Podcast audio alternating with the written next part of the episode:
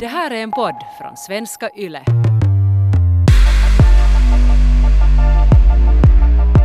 Ibland i den här podden så pratar vi om vaniljsex. Men jag tror att ingen av oss har egentligen riktigt definierat vad det är. Vad tycker ni det är? Vaniljsex. Jag skulle säga det är så här, alltså vanligt sex, alltså sånt som passar de flesta. Sånt som, som man ser i eh, Hollywoodfilmer. Vet du, där eh, först kyssar man varandra och sen under täcke så knullar man en stund. Och sen Mhm. kommer man. Och så det, blir det svart Och så bild emellan. Ja, och sen vaknar man bredvid varandra följande morgon. Ja. Det, det, det är liksom sådär vanligt vaniljsex. Mhm. Jag börjar tänka på det, att hur ofta är det som man har sex under täcke? Ja, nej, men precis. Det, det är hemskt herregud, sällan. nästan aldrig. Ja. Jag tänker, eller jag tänker så här motsatsen. För att just på några sådana datingprofiler och sånt där kan det alltid stå nu och då sådär en eller vanilj, eller att jag är inte vanilj. Okej. Och då Okej. med kopplar jag det till det. Att vad, vad, fan, vad fan det betyder det där att ah, då är man kink och då vill man ha lite hårdare eller hur man nu vill ha det. Det berättar inte så jättemycket att heller säga att man inte är vanilj. Mm. Men då tänker jag vanilj sådär att man tycker om ganska så här normativt sex. Penetrativt och kanske lite avsugning. Men att man inte tar det sådär jättemycket mer än det. Alltså Mm. man, det är inte uh, crazyga sexleksaker och en, en sexgunga som svingar genom, uh, genom vardagsrummet och när mormor kommer på besök.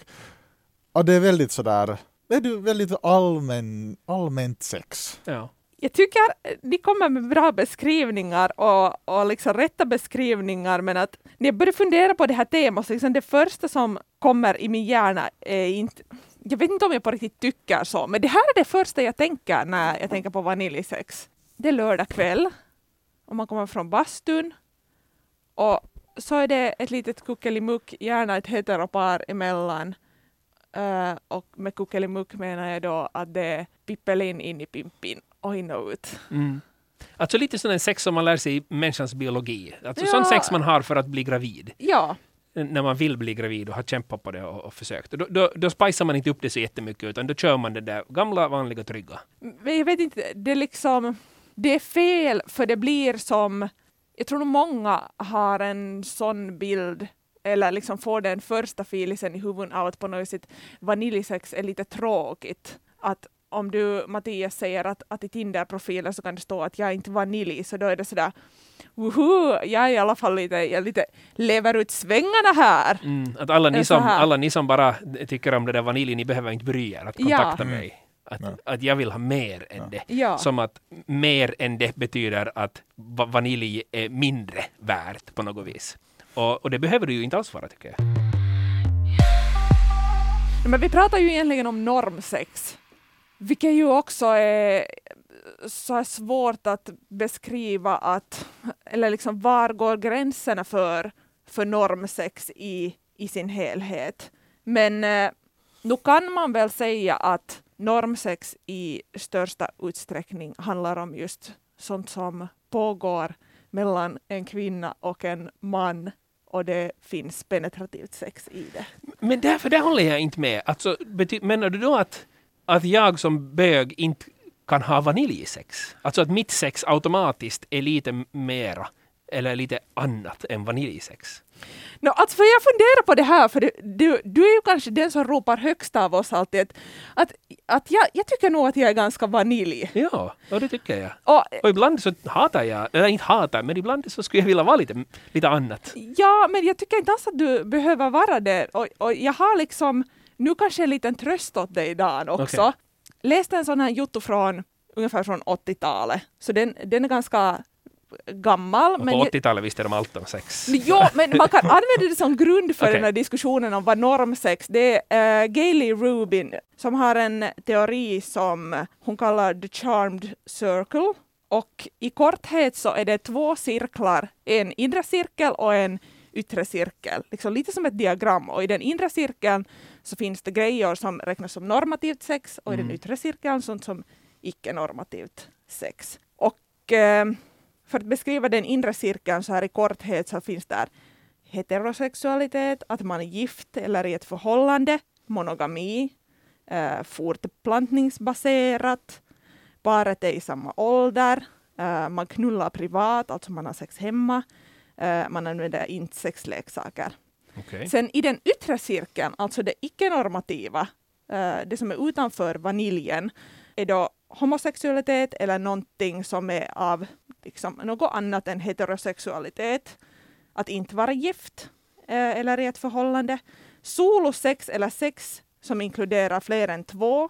Att ligga runt, ligga annanstans än hemma, kolla porr, sexleksaker och sadomasochism. Och det här är ju nu liksom, vi måste tänka att den här eh, uh, jotton är skriven 84 tror jag det var. Alltså den är lika gammal som Dan. Ja. Är det så? No, det är väl så. Och då var det typ olagligt att vara eh, homosexuell. Ja, Så No, men om vi tänker att, att, att Sovjetunionen nu fanns. Ja.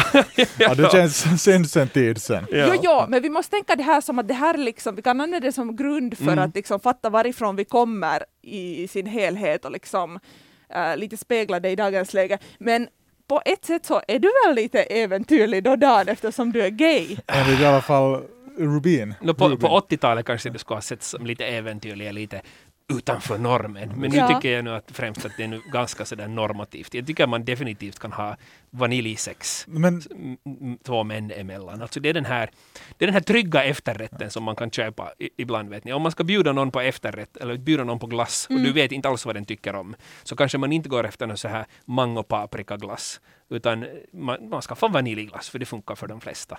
Att det är inte lite det det handlar om. ja, lite det det handlar om. Men jag började tänka på sådär att, att om vi nu ska göra de här cirklarna på nytt.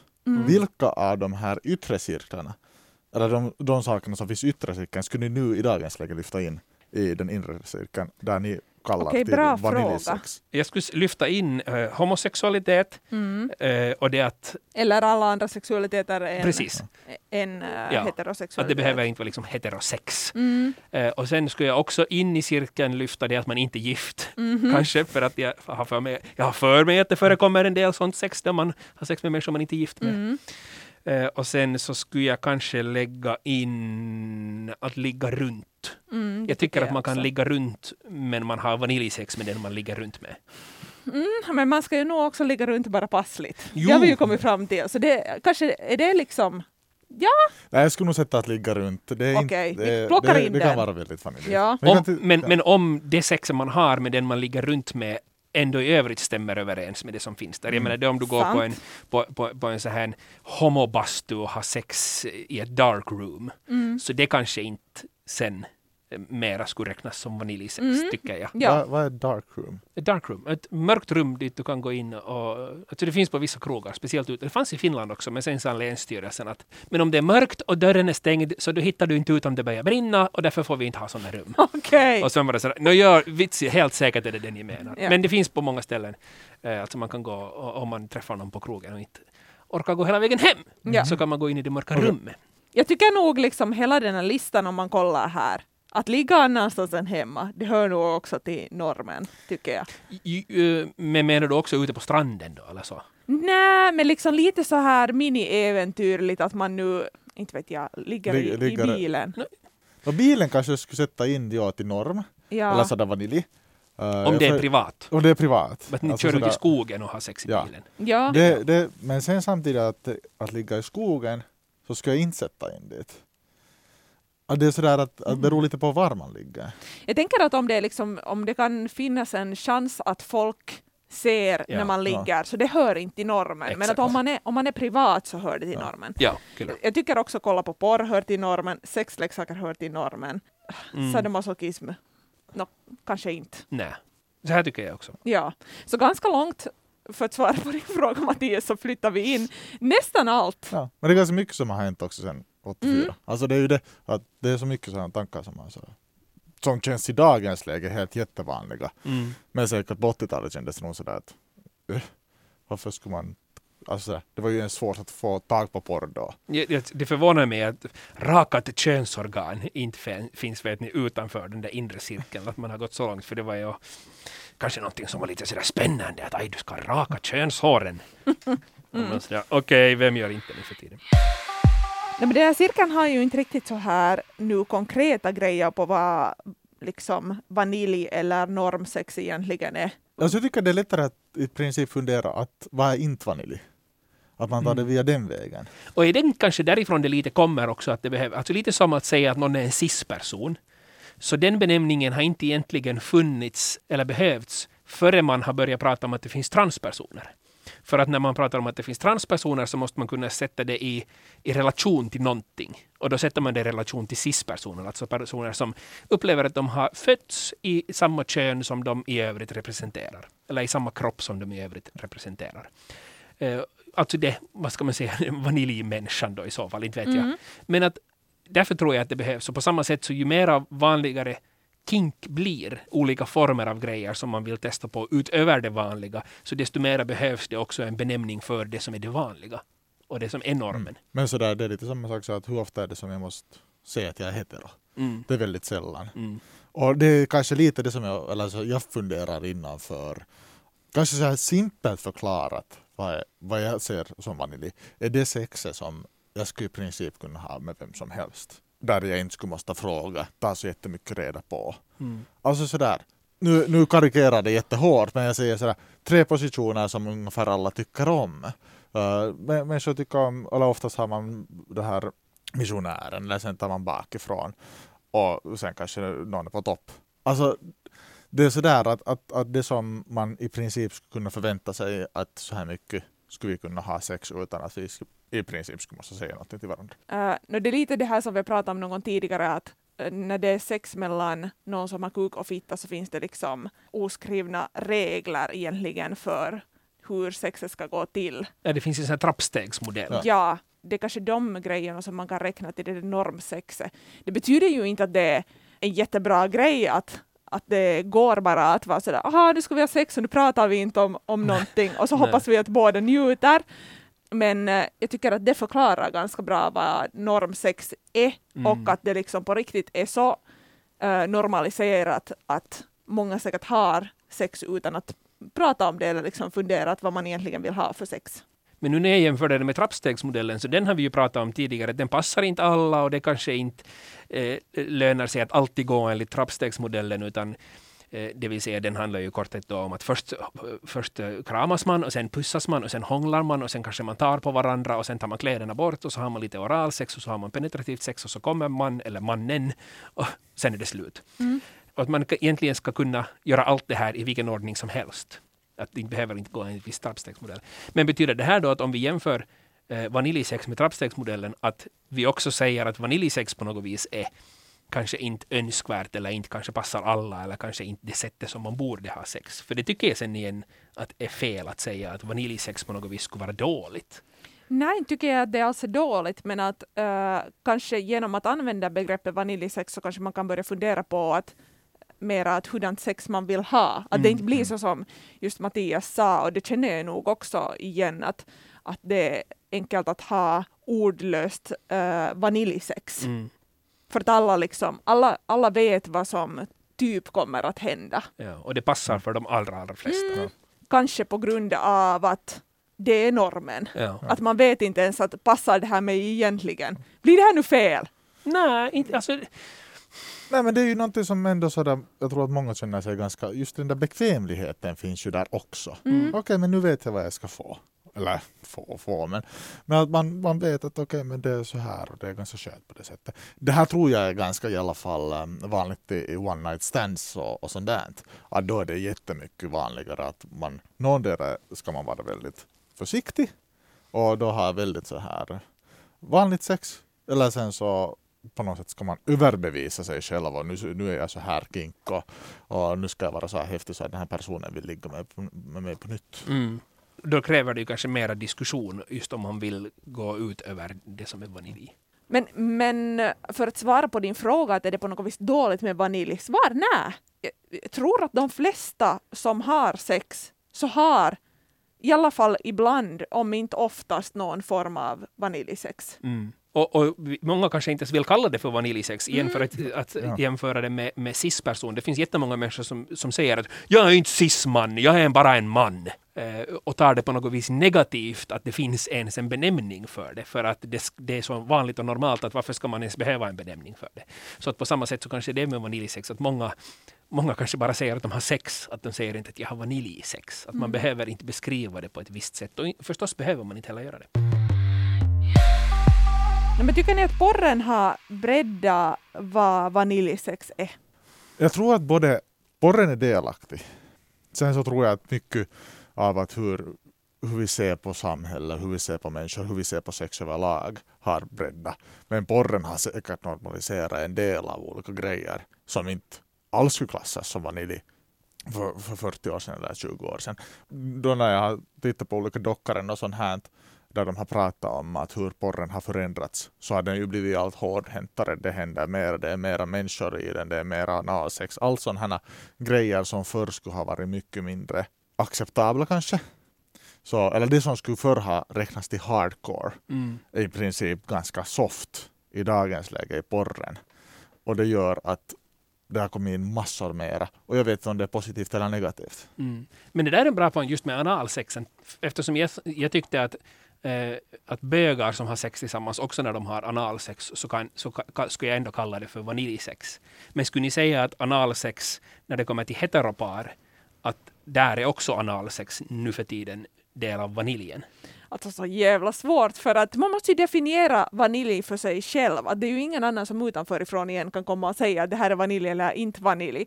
Men jag tycker nog, om jag ska försöka nu fundera på den här frågan, att har analsex blivit vanilj? Så jag tycker, jo visst har det blivit vaniljigare och säkert just därför på grund av det som Mattias pratar om hur, hur normaliserat det är genom Mm. porren till exempel. Men är det, är det vanilj eller är det som man får de här, de här mjukglassarna ibland? Att det är så här sekolitos. Softis. Att, det- att, det, att det är va, vaniljjordgubb. Att det- ändå är lite någonting annan, någon annan Alltså, smak i det. Ja, alltså där jag tycker också lite som, nej jag vet, alltså Ja, det är så svårt. Alltså, ja, nej, jag tycker inte det är vanilj, för jag, tycker, jag tror att nästan en majoritet är ändå ganska sådär att man inte har analsex regelbundet. Mm. Och då tror jag det är mindre vanilj. Men de sen som vill ha analsex är ju väldigt öppna med det. Ja. Och de tycker att det är inte så big deal. Mm. Ja, det, den är ju ganska så vattendelare på många sätt. Men om vi går stor till... vill ha analsex och sen en stor del inte alls ha analsex. Mm. Och det finns ganska lite däremellan. Nej, så att om vi går jag. tillbaka till det som vi pratade om, att vaniljsex är det där safe, som om man ska ha sex med någon utan att prata så, så kan man kanske köra de här grejerna. Så där tycker jag definitivt inte att analsex, att analsex ska finnas med. No, det är nog sant. Ja. Så att på det utgående från det så skulle jag inte kalla det för. Och Ja. inte ens för bögar heller. Jag menar, där är det ju också väldigt, precis som hos heteron, så vissa tycker om det, andra tycker inte alls om det. Mm. Så att inte det är sa- safe att så fort du har hittat en bög så tycker han om att ha kuk i reven. Det är ju inte alls på det viset. Så, så inte kanske är där heller. Du ser så argt på sig att vi ska tänka att det är så. Vi har Nej. inte sagt så. Men, men, men, Ja. sam, men samtidigt så skulle jag... Det är kanske det som är skillnaden att inom bögsex så skulle jag räkna in analsex till vanilj. No, för att jag skulle i mitt, eh, liksom, i mitt personliga sexliv så räknar jag också analsex som vanilj. Ja. Men det är ju kanske det att man, det, som du sa, man får definiera det för sig själv. Ja, jag tror att det är jätte, jätteviktigt. Skulle ni, skulle ni räkna det som uh, det här vanilj då, att någon skulle sätta ett finger upp i, i en killes röv under, eller nå- i alla fall hetero, he- heterosex? Ja, Alltså pegging heter det där. ja. Jag tycker det skulle helt bra kunna finnas där. Nu, nu har jag väldigt lite erfarenhet av heterosex, så, så jag vet inte hur vanligt det är. Jag tror att de flesta skulle kunna tycka om det, men är det någonting som de flesta gör? Det vet jag inte. Alltså det är väl kanske det som är skillnaden, Alltså fortfarande är vanilj det som är normsex, och när det kommer till, till, till homosexuella som har sex, så, är, så hör analsex kanske till normsex på något vis. Eh, Så därför skulle jag räkna det in där. Men när det kommer till heterosexuella så kanske inte analsex eller ens att sätta fingrar i någons reve hör till normsex. Men det vet jag inte. Det, det får ni nästan svara Ah, på. alltså vad svårt, för jag tänker ju igen direkt att, att visst hör det ju till, till normsex, men man gör ju det liksom finns ju en allmän norm och så finns det den egna normen också. Mm, mm. Eh, och det är det som gör det så jävla svårt. Jag vet inte, vad säger du själv Mattias? Nå, för att jag trodde ju också, eller så här, jag, jag har ju också en sån här f- bild att det är ganska vanligt säkert att, att, att man nu rör varandra vid analen och sådär. Men sen så tog jag fråga alla möjliga kajfare sådär runt omkring och så här en lite bredare spektra. Mm. En överlägsen majoritet var nog sådär att de skulle nog aldrig. Mm. Och jag blev helt sådär att what? Mm. Att så synd. Ja. Att sådär att var, varför, varför skulle det nu vara så hemskt? Mm. Och där tror jag att sen så där far det nästan ut lite på kinkspektrumet. Mm. Men, då, men då är det så. Då är det kanske svar på din fråga. Att nej, då, då hör det inte till, till vaniljdelen. Men där tycker jag du sa en väldigt intressant grej Mattias. För du sa att du tycker att det är lite synd att många heteromän kanske inte eh, vill ha ett finger upp i reven eller ser det som ens en möjlighet att det skulle hända. Och det är kanske det som jag undrar när det kommer till vaniljsex och att inte ha vaniljsex. Att, att är det är det synd om en när man inte har någonting? För jag ser på mig själv ibland, jag har många kompisar som, som har ganska starka kinks till och med och, och tycker om och, olika material och går på kinkfester och, och allt möjligt. Och jag ser hur mycket de njuter av det. Men jag själv upplever inte att det är så speciellt. Alltså det, för mig, det ger ingen, inget till alls till mitt sex. Sådana här grejer. Eller till min njutning. Och jag tycker ibland lite synd om mig själv. Att det är så. För att jag ser att det här är någonting som ger så mycket njutning åt andra människor. Mm. Men sen så får jag själv inte den njutningen. Att är, det, är det synd om någon som inte som är bara lite vanilj. Är det synd om mig? Ja, jag tycker nog inte det. Alltså, jag, förstår, jag förstår nu din struggle här Dan, att det finns ju nog en så här... Jag tycker att det finns en allmän, inte kanske en press, men en liten på att liksom att ju, ju mer kinky du är desto bättre. Eller att nu ska du nu gräva fram dina tre kinks i alla fall för att mm. det ska bli till någonting. Att nu, liksom, jag, jag förstår varifrån din dåliga filis kommer. Ja, men jag tror att, att du måste eh, bara så här helt enkelt owna din vaniljighet. Mm. Vet du, bara tänka att, att du hittar nog de jottorna som är, är bra för dig och också utan att det blir så här att, no men, att jag, jag testar nu på alla möjliga saker för att jag, jag tror att man måste testa sig igenom de här för att sen kunna säga att nej, det här var inte min jotto, det här var inte min jotto. Liksom att tvinga sig igenom alla möjliga olika grejer mm. för att kunna säga att nej, det här var inte min kink och det här var inte min kink. Utan mm. liksom att, att det, det räcker med, med att du vet nog. Mm. Och du testar sånt du vill testa. Det här blev som nu att jag kommer och lär dig. Det var inte meningen. Ska du komma och lära pappa knulla? Ja. jag känner det, jag tycker att det kan vara lite synd. För jag tycker att alla borde någon gång i alla möjliga tillfällen komma lite ut för sin egen comfort zone. Mm. Jag håller så inte med. Och testa, alltså där, att testa på olika nya saker så att du hittar just, för att det är lite som olika maträtter man säger att man ska testa nio gånger så vet man att man inte tycker. Sen kan man vara, okej, okay, men jag tycker inte om det. Men om du har testat vitlök första gången, eller senast, eller vi säger fast saltgurka, när du var åtta år gammal, och då är du 25 och säger att saltgurka är helt persest. Jag hatar saltgurka. Så hur i helvete ska du veta det? Men jag vet skulle... ju att jag hatar saltgurka. Men du kan du testa på nytt. No, men jag får ju det alltid. Och det, det, det, ibland, ibland och då, kan man, då kan man testa i olika kombinationer, testa i olika maträtter. Okej, men sen efter du har gjort det några gånger så kan du tycka att okej, okay, det är nog så persest. Men man kan fara lite och lite ge av sig själv så att man inte är så konstig. Men jag, jag, ser, jag, jag, vill ta det, men Malena jag ser att du viftar och du får riktigt snart säga. Jag vill bara säga det att ibland får jag i misstag saltgurka. Jag beställer mina hamburgare utan saltgurka, men ibland finns den där ändå och så kommer den som en överraskning och det är definitivt inte nice. Så att du ska inte, du ska inte som en överraskning uh, utmana dina Är det här nu sanning att du inte tycker om saltgurka? Det här är jättesanning. Alltså, men jag är kanske ute efter det att liksom eftersom det finns en bild att ju kinkigare desto bättre, att det blir sådär, uh, när vi tar ett matexempel, liksom, det, vi ser att det är megapoppis att laga thaimat hemma. Mm. Och så lagar man den här thaimaten för att det är helt vitun poppis just den stunden och så sätter man upp uh, en bild på Instagram när man har åstadkommit den fantastiska rätten, men så har man diarré varje gång efter det. Men man har ju den där fina instabilden att lägga fram. Ja. Att liksom, det kan inte fan vara så att nu har man ju en börjetanke om att skulle det vara trevligt att smaka på den där saltgurkan? Ja. Om, man, om svaret är ja, att kanske nog, så då kan man ju smaka lite på tungspetsen. Ja. Men du tror man ju inte in hela gurkan i munnen och sväljer direkt. nej, nej, nej, nej, och det är det som jag menar, att man måste implementera dem i olika grejer. Alltså att sätta just saltgurkan i olika maträtter och ha den i en sallad eller ha den på någon uh, sådär på en wienerschnitzel. Inte vet jag var. Man använder en saltgurka. Jag, jag håller inte alls med. Då kan man använda den så till så mycket då kan man testa den i olika kombinationer och testa lite framåt. Jag, jag förstår vad du... Det är mycket, för då har man möjligheten också att veta att okej, okay, jag, har alltid, jag har alltid tyckt, om man går med attityden att det här är helt hemskt. Ja. Okej, okay, men då, då fine. Men om du har en, alltså där, jag tycker att man ska testa på saker också i mindre mängder. så då har man möjligheten också att lära sig tycka om någonting nytt. Men om han har ett färdigt litet intresse för saltgurkeburken och tycker den ser trevlig ut och det där som är där inne så det ja, kanske det finns någonting för honom där. Då tycker jag att, att man kan liksom testa saltgurka i olika rätter.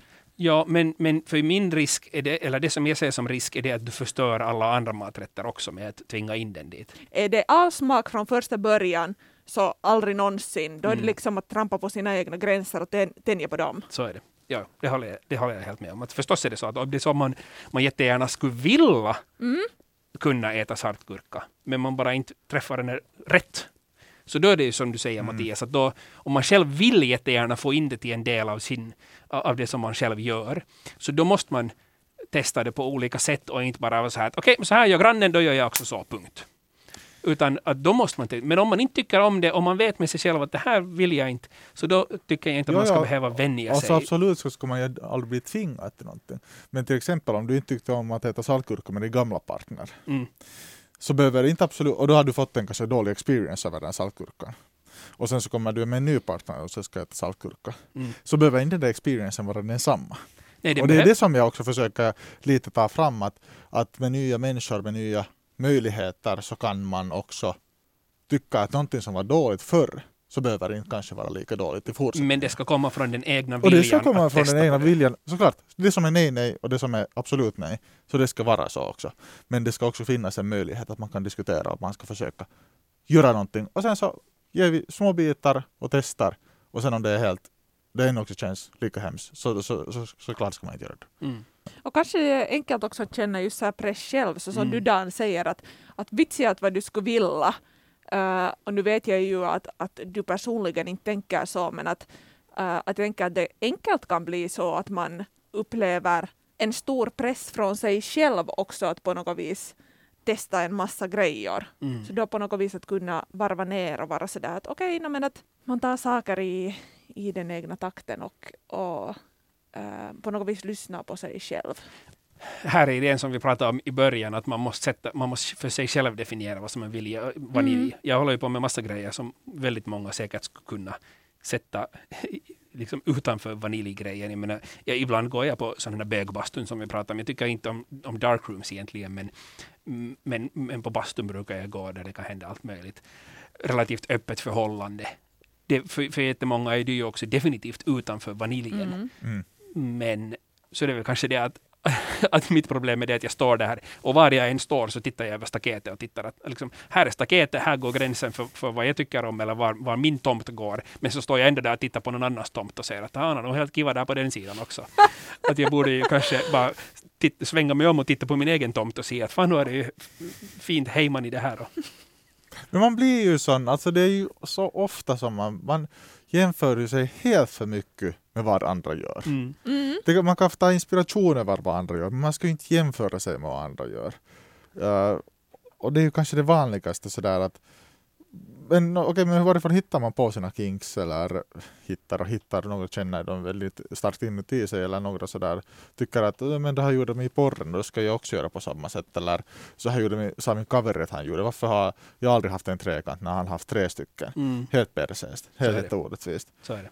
Varför är det, alltså man ska inte jämföra sig, och i sexualitet i alla fall ännu mindre. Jättebra point. Och det är kanske också så där så att det finns inte något mervärde med någonting egentligen.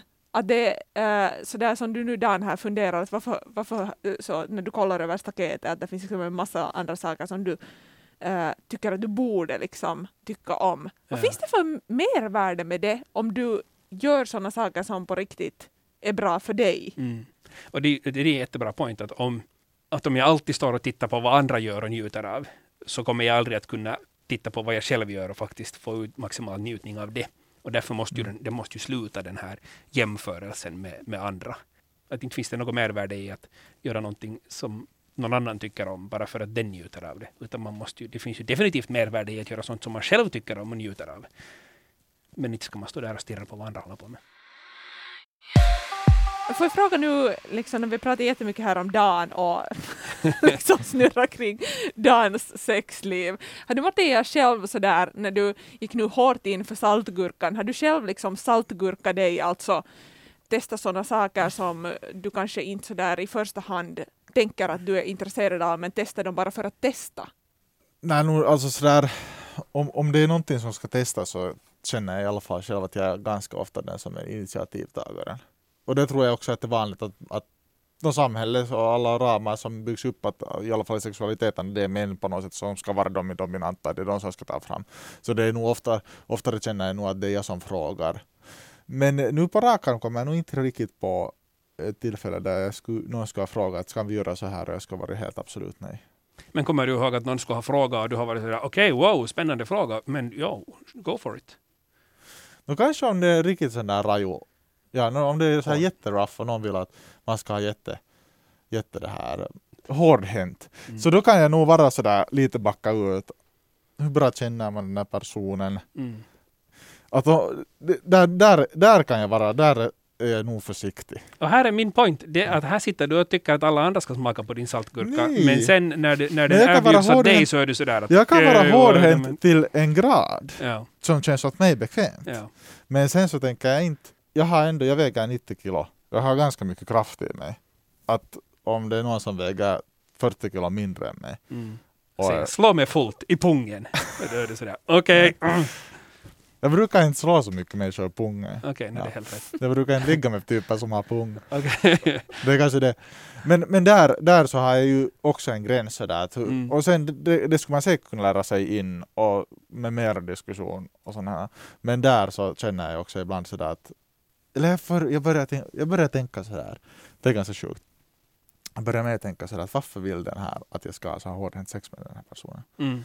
Att finns det någonting där bakom, bakom som som en indikator till att det ska vara så här hårdhänt. Mm. Ja, men det, här, det, här är det, det här är det jag menar. Att, att för dig själv så känns det väldigt, alltså sånt som känns naturligt och som skulle vara kiva för dig, så det känns naturligt att andra också kanske nog skulle kunna lära sig tycka om det om den lite skulle testa på det. Men sen så har man själv sina egna gränser som man ändå jättegärna sätter och, och, och ogärna går över. Så det är det jag menar att den där om jag tycker om saltgurka så är det ganska naturligt att jag kan uppfatta att, att andra nog också skulle kunna lära sig tycka om den. Men oliver, nej fan heller. Vad tycker ni? Tror ni det är svårare för killar att, att på något sätt uttrycka eller säga att de är vanilj? När det, när det ändå förväntas att de ska vara hårdhänta och dominanta i, i sängen. Mm. Hård, jag, har aldrig, jag har inte en uppfattning om att killar ska måste vara hårdhänta, men nog den, kanske den som, som, som styr och ställer på något vis. Så det tror jag säkert att det finns, eh, att det är svårare för män och det är kanske till och med det som jag, som jag också lite drabbas av när jag själv upplever att jag borde nog, jag borde nog vilja så mycket mer än vad jag egentligen vill. Jag borde nog njuta av mera saker. Mm. Så att nu tror jag definitivt att det, det, är svårt att bara vara, norm, äh, bara vara enligt normen. Mm. Så nu kan det ju hända, jag tror definitivt att det, det är svårare för, för män att vara det. Eller att tillåta sig själva att vara det. Jag tror inte att det är kanske andra människor som, som ställer de kraven, utan man ställer kanske de kraven på sig själv. Mm. När vi pratade tidigare om att, att gå enligt trappstegsmodellen och så här. Det, det är liksom en svår fråga på det sättet, för jag tror att, liksom att det också hör till vaniljen att om det är en man och en kvinna som har sex tillsammans, nu vet jag inte om, om vi pratar om den kontexten, men då, då känns det som att det hör också till, norm, till normen, till det normsexet, att den, den här mannen är den som tar initiativet. Det är mm. liksom det man ofta räknar med. Så på det sättet så tror jag inte att, att det är svårare att säga att man är vanilj för att det hör liksom vaniljen till. Förstår ni hur jag tänker? Ja, jag förstår hur du tänker. Och så länge, och så länge sexet man har är vanilj, mm. så tror jag det är helt... Så då tror jag inte kanske att den där svårigheten finns där. Mm. Men, men säg att om det är en man och en kvinna som har sex och det är kvinnan som sen tar initiativ mm. till att göra någonting som inte är vanilj. Så då tror jag att det kan vara svårare för mannen att säga hej, stopp, att jag, jag är nog faktiskt bara, bara vanilj, att jag vill inte göra det där. Men om det är åt andra hållet, om vi nu pratar igen så här hetero, uh, heterosex, så tror jag att det också är svårt för en kvinna, jag vet inte om det går att jämföra det här, men att, att lika så, så att om, om mannen som då ja, tar initiativ och gör någonting som, mm. som inte vaniljigt, så nu är det, jag tror det är svårt för vem som helst att, att säga att hej, att jag, jag går inte heller igång på det där eller det känns inte bra. Det, det är, alltså, det är ju jättesvårt mm. på riktigt att sätta gränser och säga vad man vill och vad, liksom på no, ja, sätta gränser Mm. kanske. Det är nog, jätte, det är nog sant. Ja, och, och där just det där att det, eller ofta, of, ofta har jag märkt att när man har sex med någon så är det så okej, men vi- jag, jag ska ta i, man ska ta i håret eller någonting, lite strypgrepp eller någonting. Och sen om man ber Jaha. samma sak, Ja. i gen, kan man säga geneld? Mm. Nej men sådär. Och då är det så här, då får den här personen helt, helt i lås. Säkert för att inte så många har frågat det tidigare, eller kanske Mm. aldrig någon har frågat det tidigare. Men det är där som jag tycker att det är så spännande. Mm. Att jag förväntas göra det här mot dig, men du vill inte göra samma sak mot mig. Ja. Mm. Det är sant. Det, det, och då blir det ju det blir ju en obalans i det. Och jag tror Ja. att det är som du säger, att det har jättemycket att göra med det att det, det finns en förväntan på att det är mannen som tar initiativet. Och sen om, om man bjuder samma möjlighet åt kvinnan så är det en ovan situation för många. Och därför kanske man går lås. Mm. Det vad vi kan konstatera av det här är det, alltså att det är oftast svårare för den som är vanilj att säga nej Mm. eh, jämfört med den som inte är det. Att man ändå förväntas vara mera äventyrlig än vad man kanske är oavsett om man är man eller kvinna.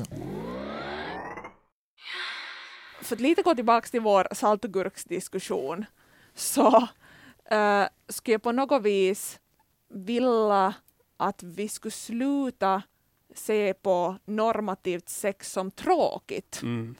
För de flesta som har sex så har någon form av normativt sex i alla fall liksom ibland, om inte alltid.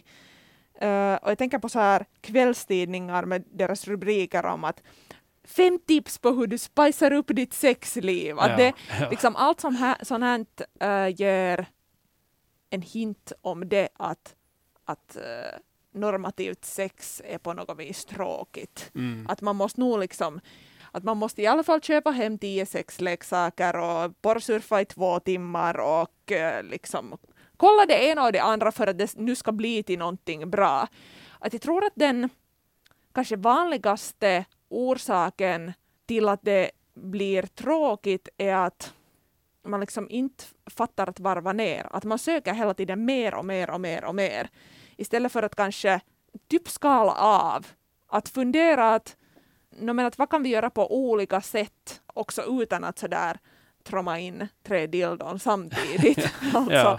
att vad gör vi om vi inte trommar in något alls i något hål alls? Mm. Att om vi koncentrerar oss på inte vet jag, armarna eh, den här gången eller liksom kan vi dirty talka oss fram eller kan jag smeka dig på något sätt. Att liksom, vi rör inte könsorganen men vi bestämmer att vi har sex i alla fall. Så, så att lite för att återgå till, till det här jämförelsen med mat, så att istället för att spicea upp för att Mm. få mera kryddor eller få mera smak, Mm.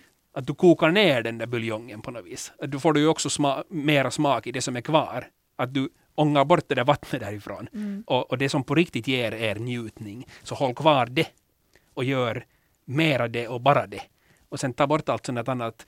Det här borde vi göra, det här borde vi hålla på med, så här borde vi göra det.